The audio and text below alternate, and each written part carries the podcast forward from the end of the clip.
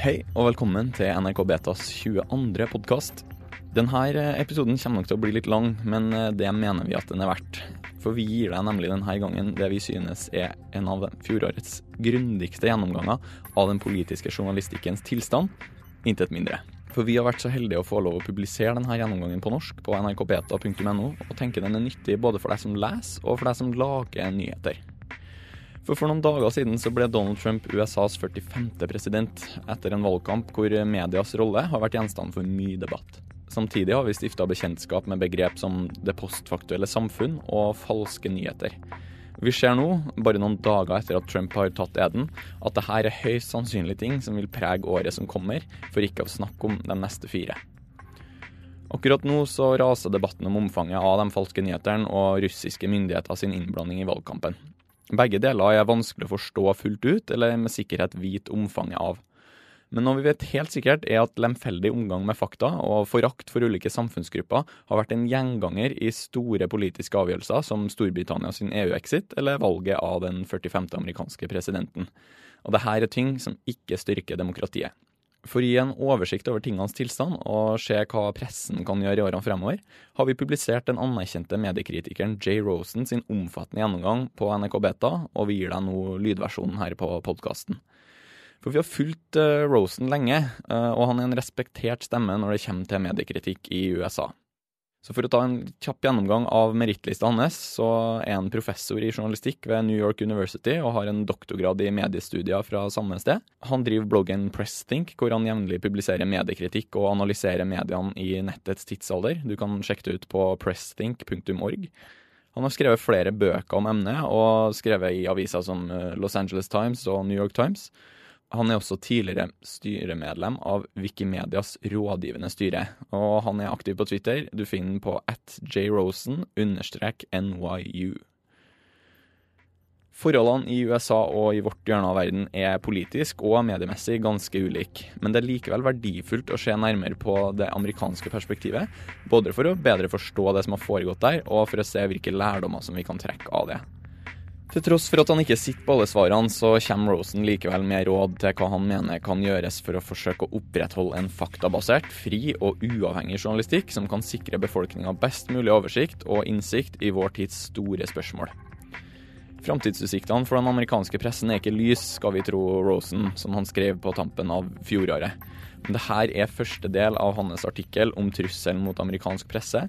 Del to handler om tiltakene som kan iverksettes.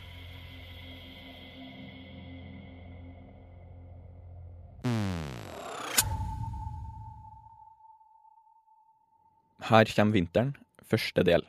Utsiktene for amerikansk presse under Trump. Hvor ille er det? Det er ille. Jeg skal forklare hvorfor. Fins det lyspunkter? Noen få. Det her begynte som en twittertråd om ting å være oppmerksom på de neste seks til åtte månedene. Lesere har spurt om hvordan media kan respondere på det her.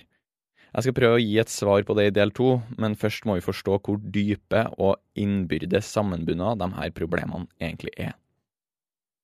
For en fri presse som skal være en motmakt overfor myndighetene, er dette den mørkeste perioden i amerikansk historie siden første verdenskrig.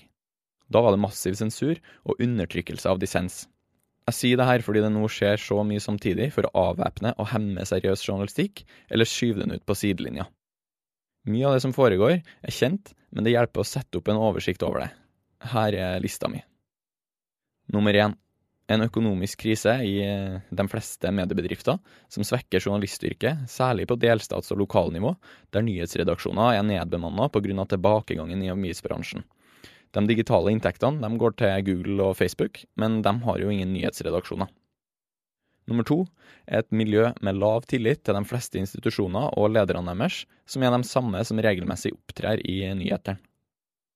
Nummer tre er en ødelagt og utdatert modell i den politiske journalistikken, som prøver å nå ut til publikum gjennom innsidereportasjer.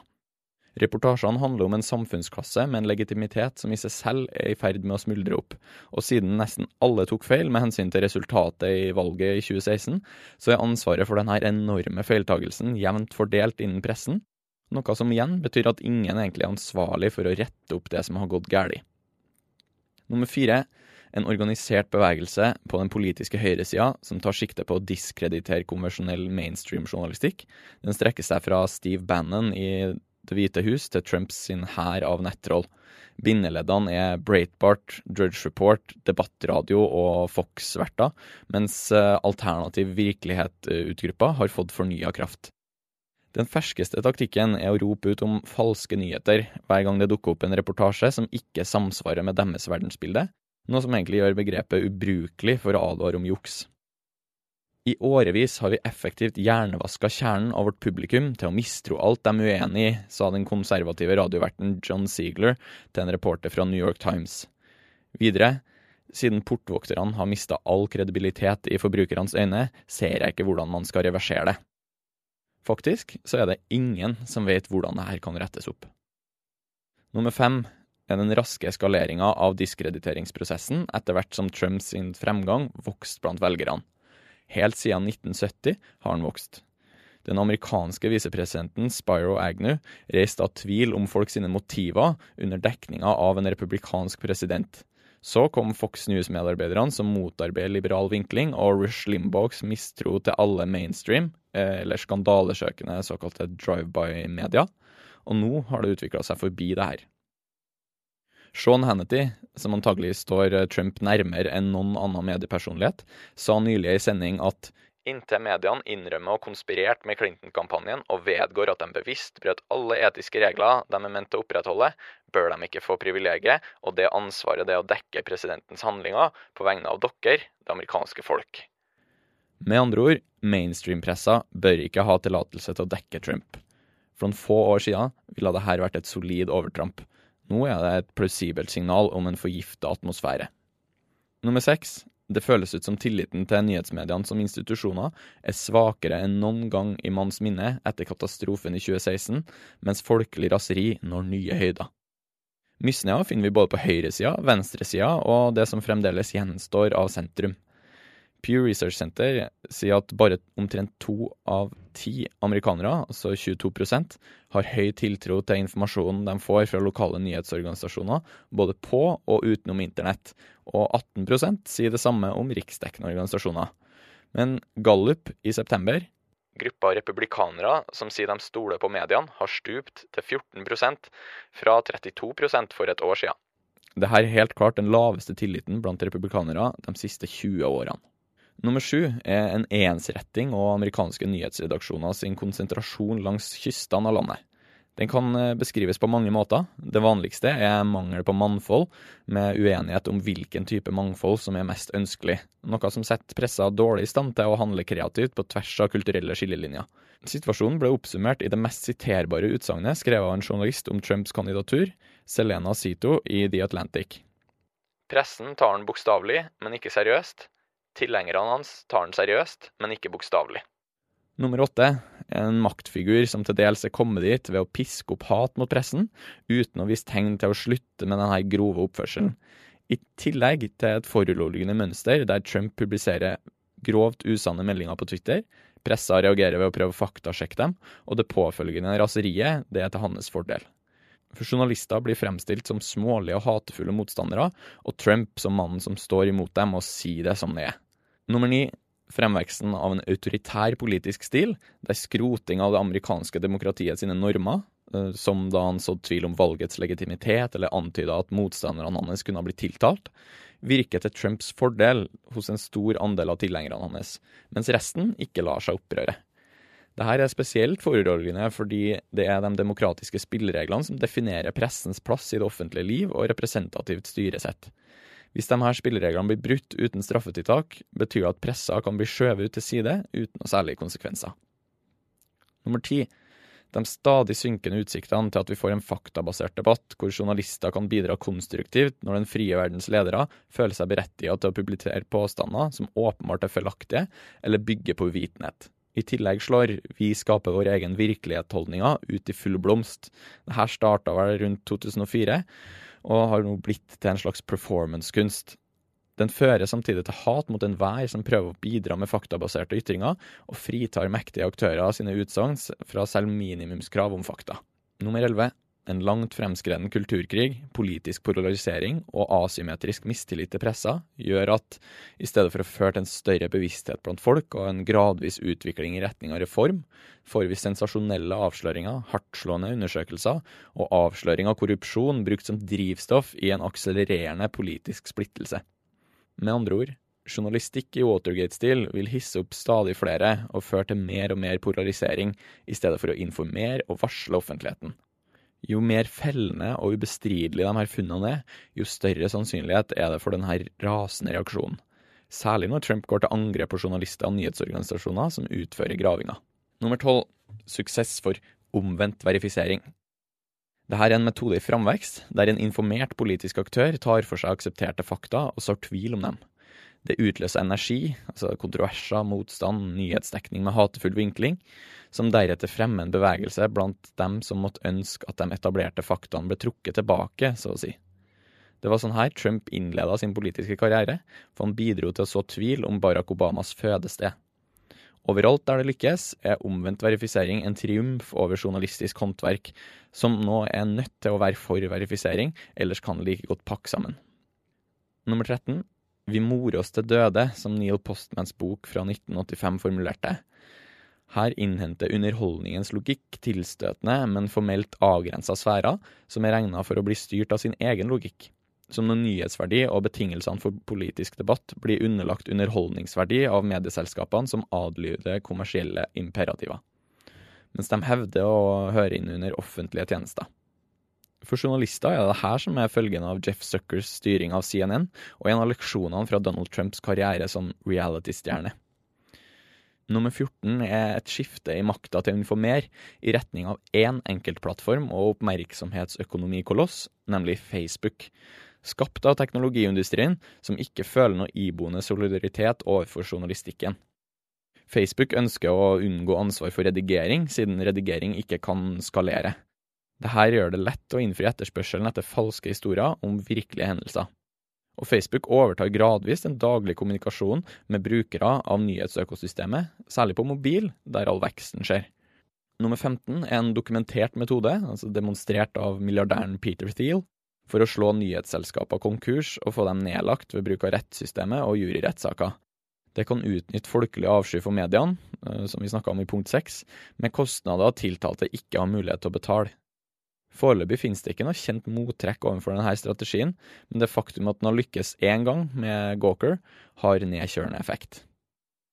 Nummer 16.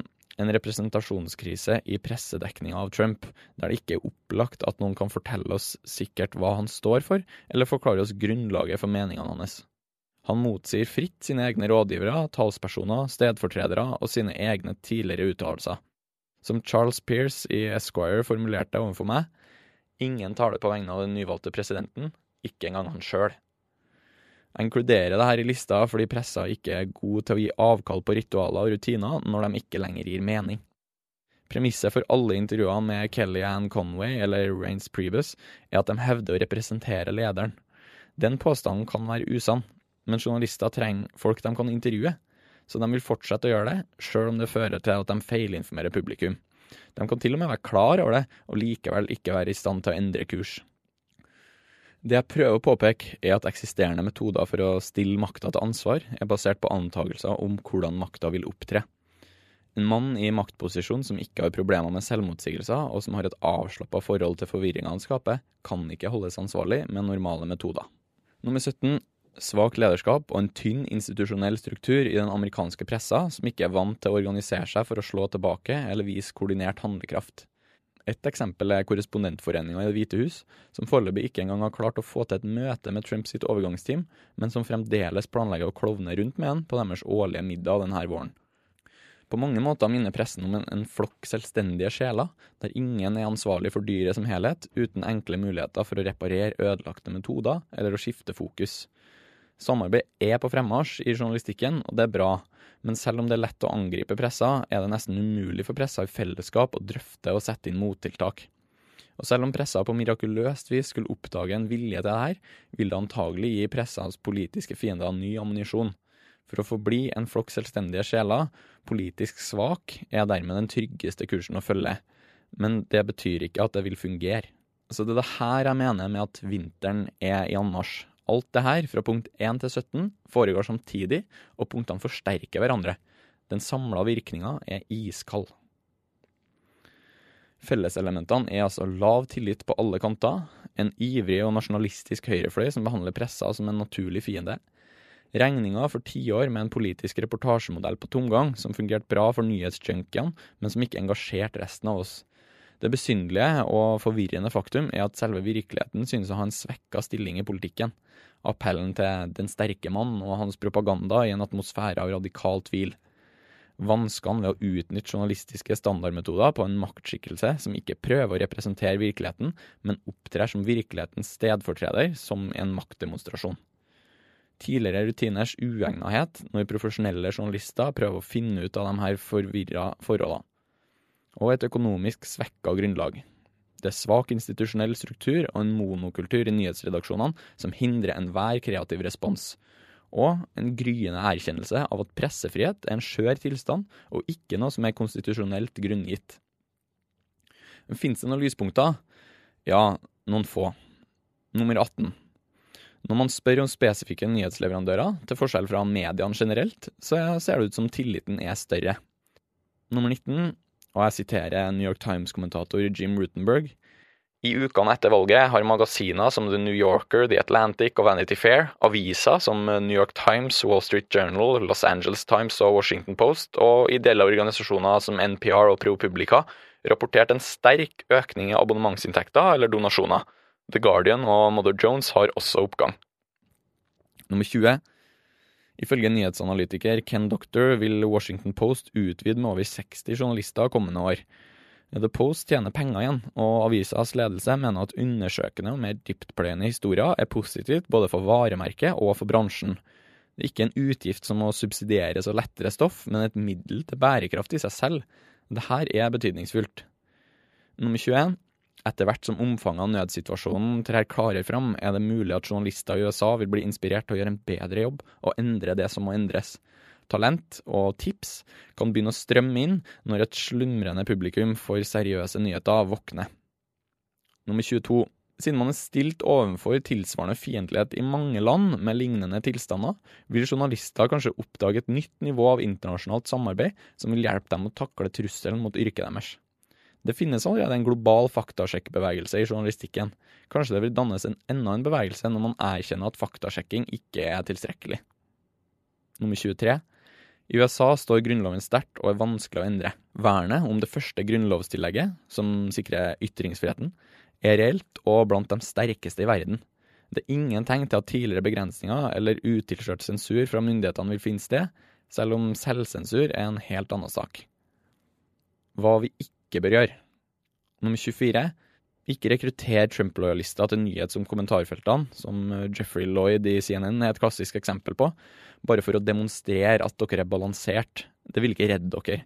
Konservative, folk fra republikanske delstater, arbeiderklassen og amerikanske stemmer fra landsbygda fortjener kanskje spesiell rekruttering, men hvis de har integritet, er det like sannsynlig at de er kritiske til Trump. Nummer 25. Ikke vær tilfreds med beskyldningsbaserte historier framfor faktabasert arbeid, bare for å unngå angrep fra Trumps pressehatende tilhengere, eller for å demonstrere hvor balansert dere er. Nummer 26. Ikke la alt handle om tilgangen til presidenten og hans medhjelpere, eller om å bevare rutinene for reportasjer fra Det hvite hus, sånn som pressekorpset gjør akkurat for øyeblikket, for det meste av gammel vane.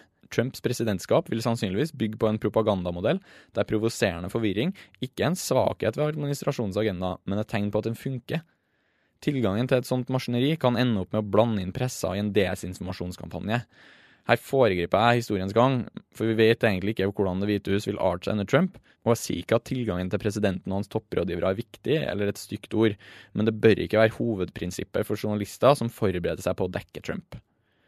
I del to av denne saken, som kommer straks, så diskuterer jeg tiltak det er verdt å gjennomføre i lys av det jeg har skrevet i del én. Jeg har flere små ideer og én større idé. Det innebefatter å lytte bedre enn det politiske systemet i dag gjør, til hva som bekymrer amerikanere, og så utforme en skikkelig nyhetsagenda ut fra det. Dette er ingen ny idé, men den har fått fornya relevans, nå som vinteren er her for den samfunnstjenende pressen. Du får straks høre del to.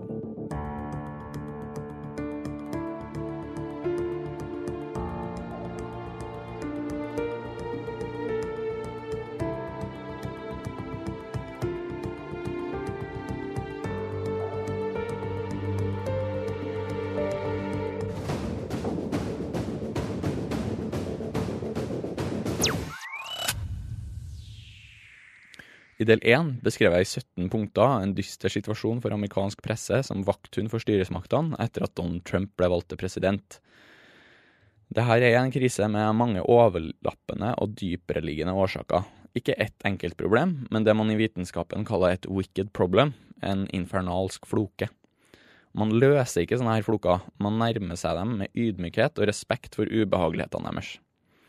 Å prøve ting du vet ikke vil fikse problemet, kan likevel lære deg mer om hvordan problemet arter seg. Det hjelper å innse at ingen er ekspert på problemet, for det betyr at gode ideer kan komme fra hvor som helst. Det er også en fordel om man er villig til å starte på nytt. Hvis jeg drev en stor nasjonal redaksjon i Washington DC, ville jeg prøvd å nullstille nyhetsstrukturen. Altså, hvis man ikke hadde noe eksisterende system for dekning av riksdekkende saker i Donald Trumps America, hvis man måtte bygge opp det hele fra grunnen av, hvordan ville det da sett ut? Ville det her rette opp uh, det som er gått i stykker i den politiske journalistikken? Nei. Men å gjøre et forsøk på det vil kunne avdekke muligheter som er vanskelig å få øye på i forkant. La meg være helt tydelig. Jeg har ikke løsningen på det jeg beskriver i del 1, og jeg påstår ikke at forslagene mine er moden for oppgaven. Det er de ikke. Det er snarere det her jeg kommer på. Jeg har hatt en rekke småideer som det kan være verdt å prøve ut, og en større idé som jeg skal gjøre rede for, men jeg skulle ønske at jeg hadde bedre svar å gi dere. Tiltak verdt å innføre, ikke løsninger. Nummer 27. Frikoble nyhetsagendaen fra Trumps Twitter-meldinger. Jeg er uenig med dem som sier at pressa bør ignorere Trumps Twitter-meldinger. Til og med å kalle dem tweets er på en måte en illusjon. Dette er offentlige utsagn fra den påtroppende presidenten, uttalelser fra maktens tinde. Å navngi dem ut ifra hvordan de sendes ut, altså gjennom Twitter, det hjelper ikke. De kan ikke ignoreres, på samme måte som man ikke kan avfeie en kunngjøring på whitehouse.gov. Men det er sant at Trump bruker Twitter-kontoen sin til å avlede, distrahere, skremme, monopolisere og forvirre. Pressen bør finne en måte å håndtere og faktasjekke uttalelsene på som krymper dem til et sidefelt, eller vever dem inn i en større sak skrevet av journalister i stedet for Trumps Twitter-finger. En mulighet er merknader. Ikke la Twitter-kontoen hans sette din dagsorden, og lær å bli mer forsiktig med overskriftene. Kanskje det er alt han er ute etter? Din late overskrift. Nummer 28. Skift til et utenfra og inn, i stedet for et innafra og ut-mønster. Om man antar eh, nær null tilgang til Trump og kretsen rundt den, eller forestiller seg at tilgangsspillet totalt sett slår ut negativt, hva nå? Dere må fremdeles finne ut hva som foregår, men tilgangsportalen er stengt. For meg virker det her som et bedre utgangspunkt, samtidig som dere kjemper for faktisk tilgang, forsvarer den daglige brifinga og forlanger svar på innsynsbegjæringa til rett tid utenfra og inn betyr at man begynner ytterst og jobber seg inn mot midten, i stedet for omvendt. Innenlands vil det innebære å finne kilder i forvaltninga og blant offentlige tjenestemenn, i stedet for blant dem som regnes som aktører, sånn som man vanligvis gjør i undersøkende journalistikk. I utenrikspolitikken vil det bety at det sannsynligvis vil komme mer fra andre lands myndigheter enn fra USA. Hvem hadde best tilgang under Trumps valgkamp? Reporterne i medieinnhegninga, eller dem som fikk billetter og blanda seg med resten av publikum? Var nyhetsorganisasjonene på svartelista egentlig dårligere stilt? Jeg kan nærmest høre for meg svaret. Vi trenger begge deler, både innsida og utsida. Greit, gjør begge deler. Poenget mitt er utenfra og inn kan bli den nye grunnmetoden, og innenfra og ut kan bli en nyttig variant en gang iblant. Bytt om på dem. Send praktikanter til den daglige brifingen når den utvikler seg til et nyhetsløst kaos. Flytt de erfarne medarbeiderne ut. 29 mindre forutsigbarhet, takk. Hvis Trump kan bryte med etablerte normer, kan journalistene som dekker han, bruke de samme taktikkene. Når dere ikke er der han venter at dere skal være, så vinner dere. Jeg kan ikke utdype det her, det vil ødelegge poenget med å ha det med. Nummer 30. Dropp middagen til Korrespondentforeninga i Det hvite hus. Bare dropp den. Dere vet hvorfor, det snakka vi om i del 1. 31. Sett dere godt inn i Trumps løfter og skryt fra valgkampen, sånn at dere kan holde det opp mot hva han gjør. Det er allerede i gang. Mer av det her, takk. Nummer 32. Dette er fra en følger på Twitter, som beviser at gode ideer kan komme fra hvor som helst. Oppsøk og ta imot tilbud om å snakke på radio i områdene Trump har flest tilhengere.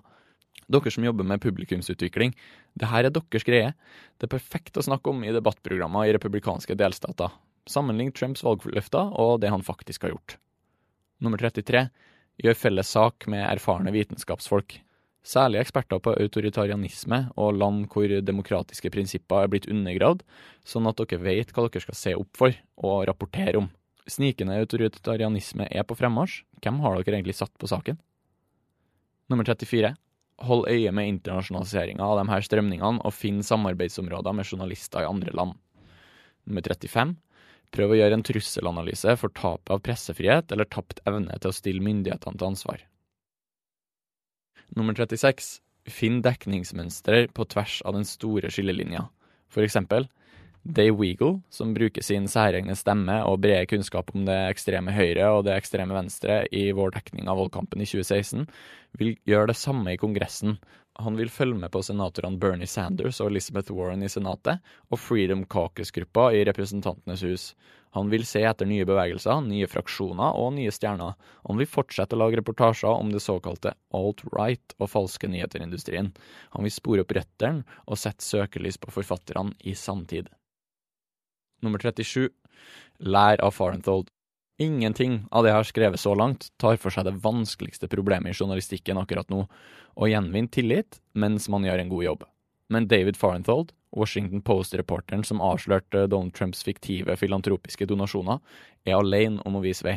Ikke bare med de viktige, omfattende historiene han graver frem, eller måten han stiller makthaverne til ansvar på, men også ved den sosiale retninga som undersøkelsene hans har gått i, og leksjonen i transparens som han gir pressa. Farenthold forklarer hva han gjør i det han gjør det. Han viser sluttleserne av arbeidet hans nøyaktig hvor og møysommelig det hele er satt sammen. Han lar folk som har kunnskap, hjelpe han.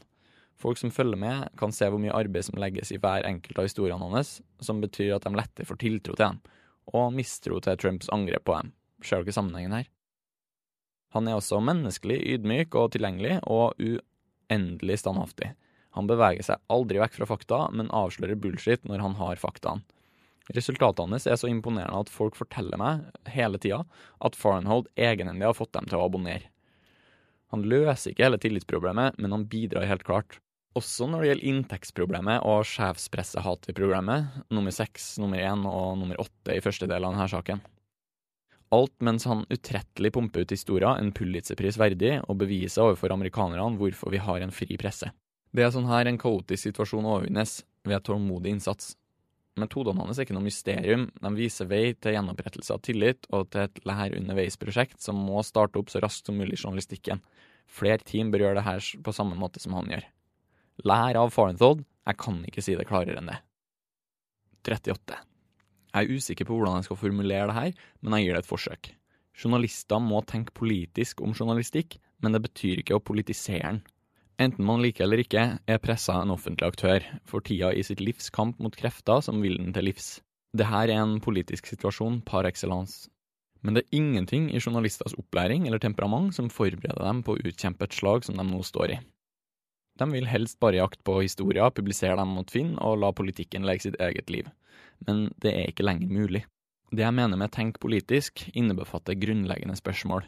Hva står vi for, som andre også har tro på, hvem er imot oss? Hvor er vi mest sårbare?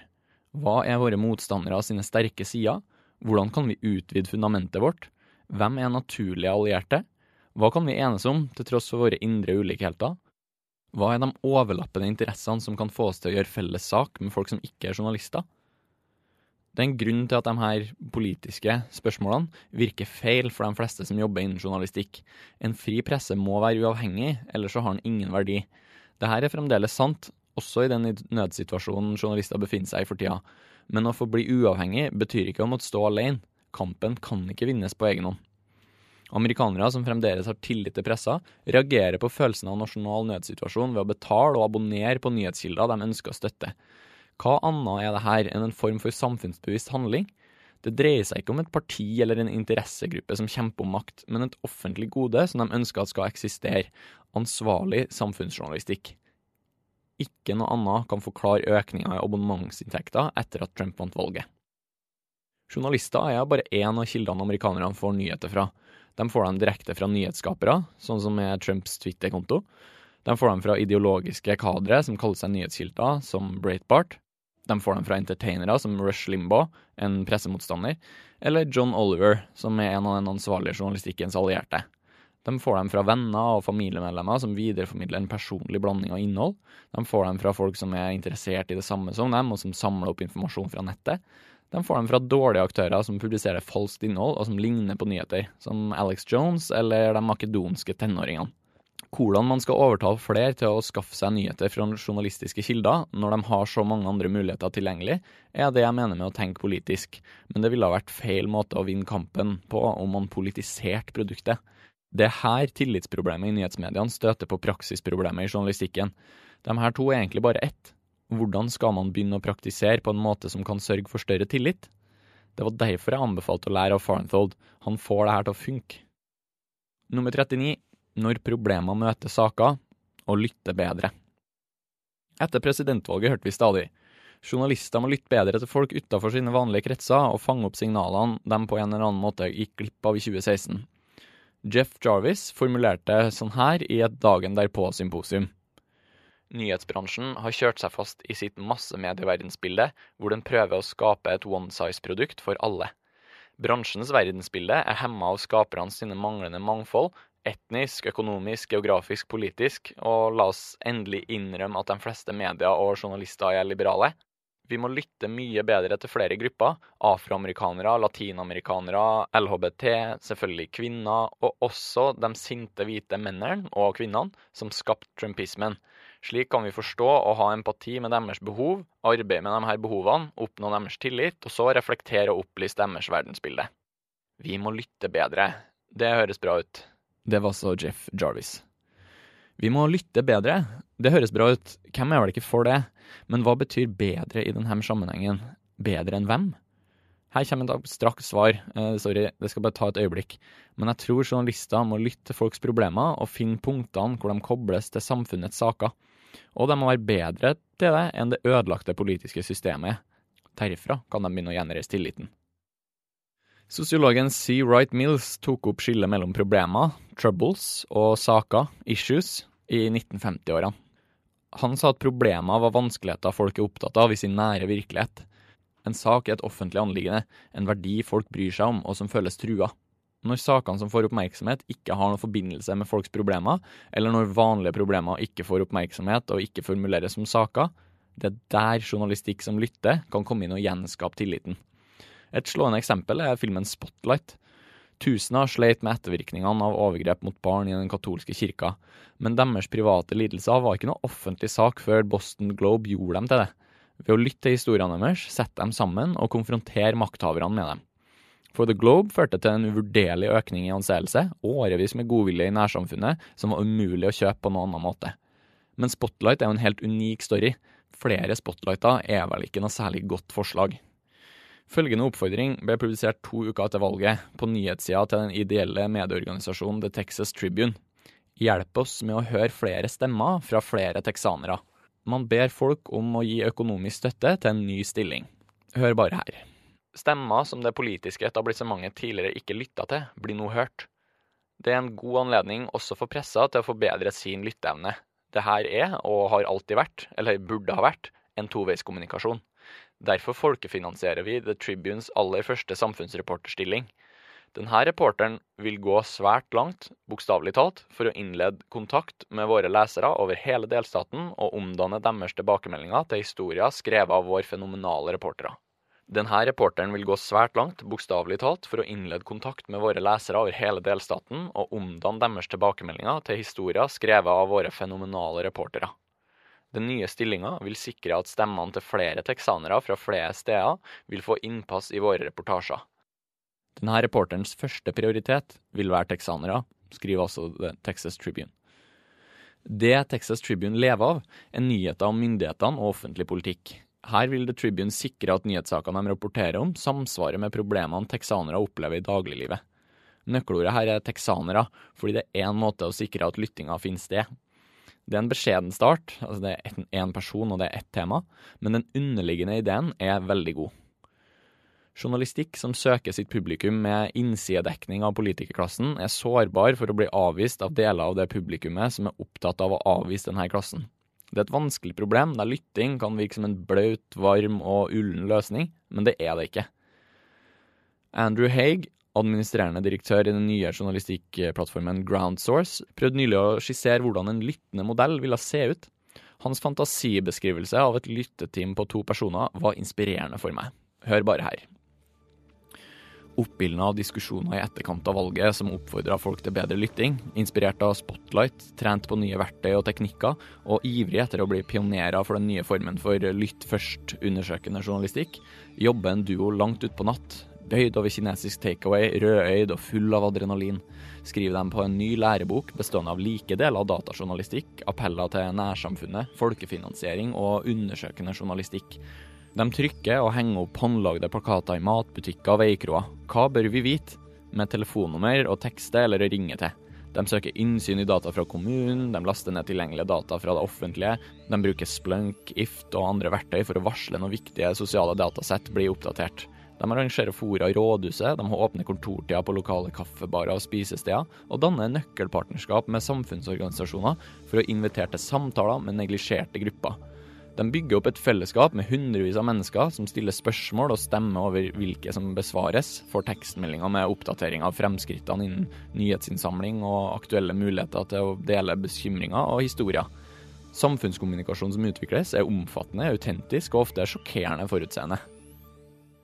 Det her er altså Andrew Haig som skriver hos Neiman Lab.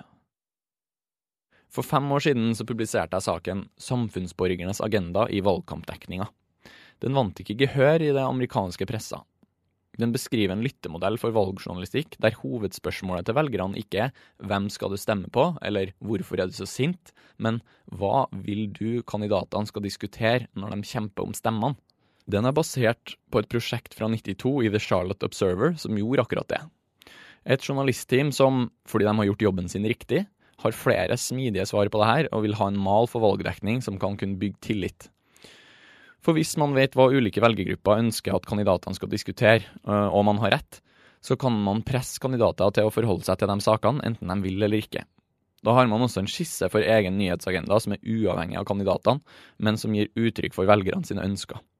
Jeg vet ikke hvordan denne modellen ville ha forhindra katastrofen vi opplevde i 2016, men jeg vet at hesteveddeløpsjournalistikken ikke har fungert for dem som praktiserer det. Hver gang problemene ikke er i takt med sakene, kan journalister vinne tillit ved å være bedre til å lytte enn systemene som svikter folk. På et eller annet vis må denne innsikten kombineres med mer tradisjonelle journalistiske dyder dersom media skal klare å stå imot angrepene som kommer, og blomstre i en vesentlig farligere verden.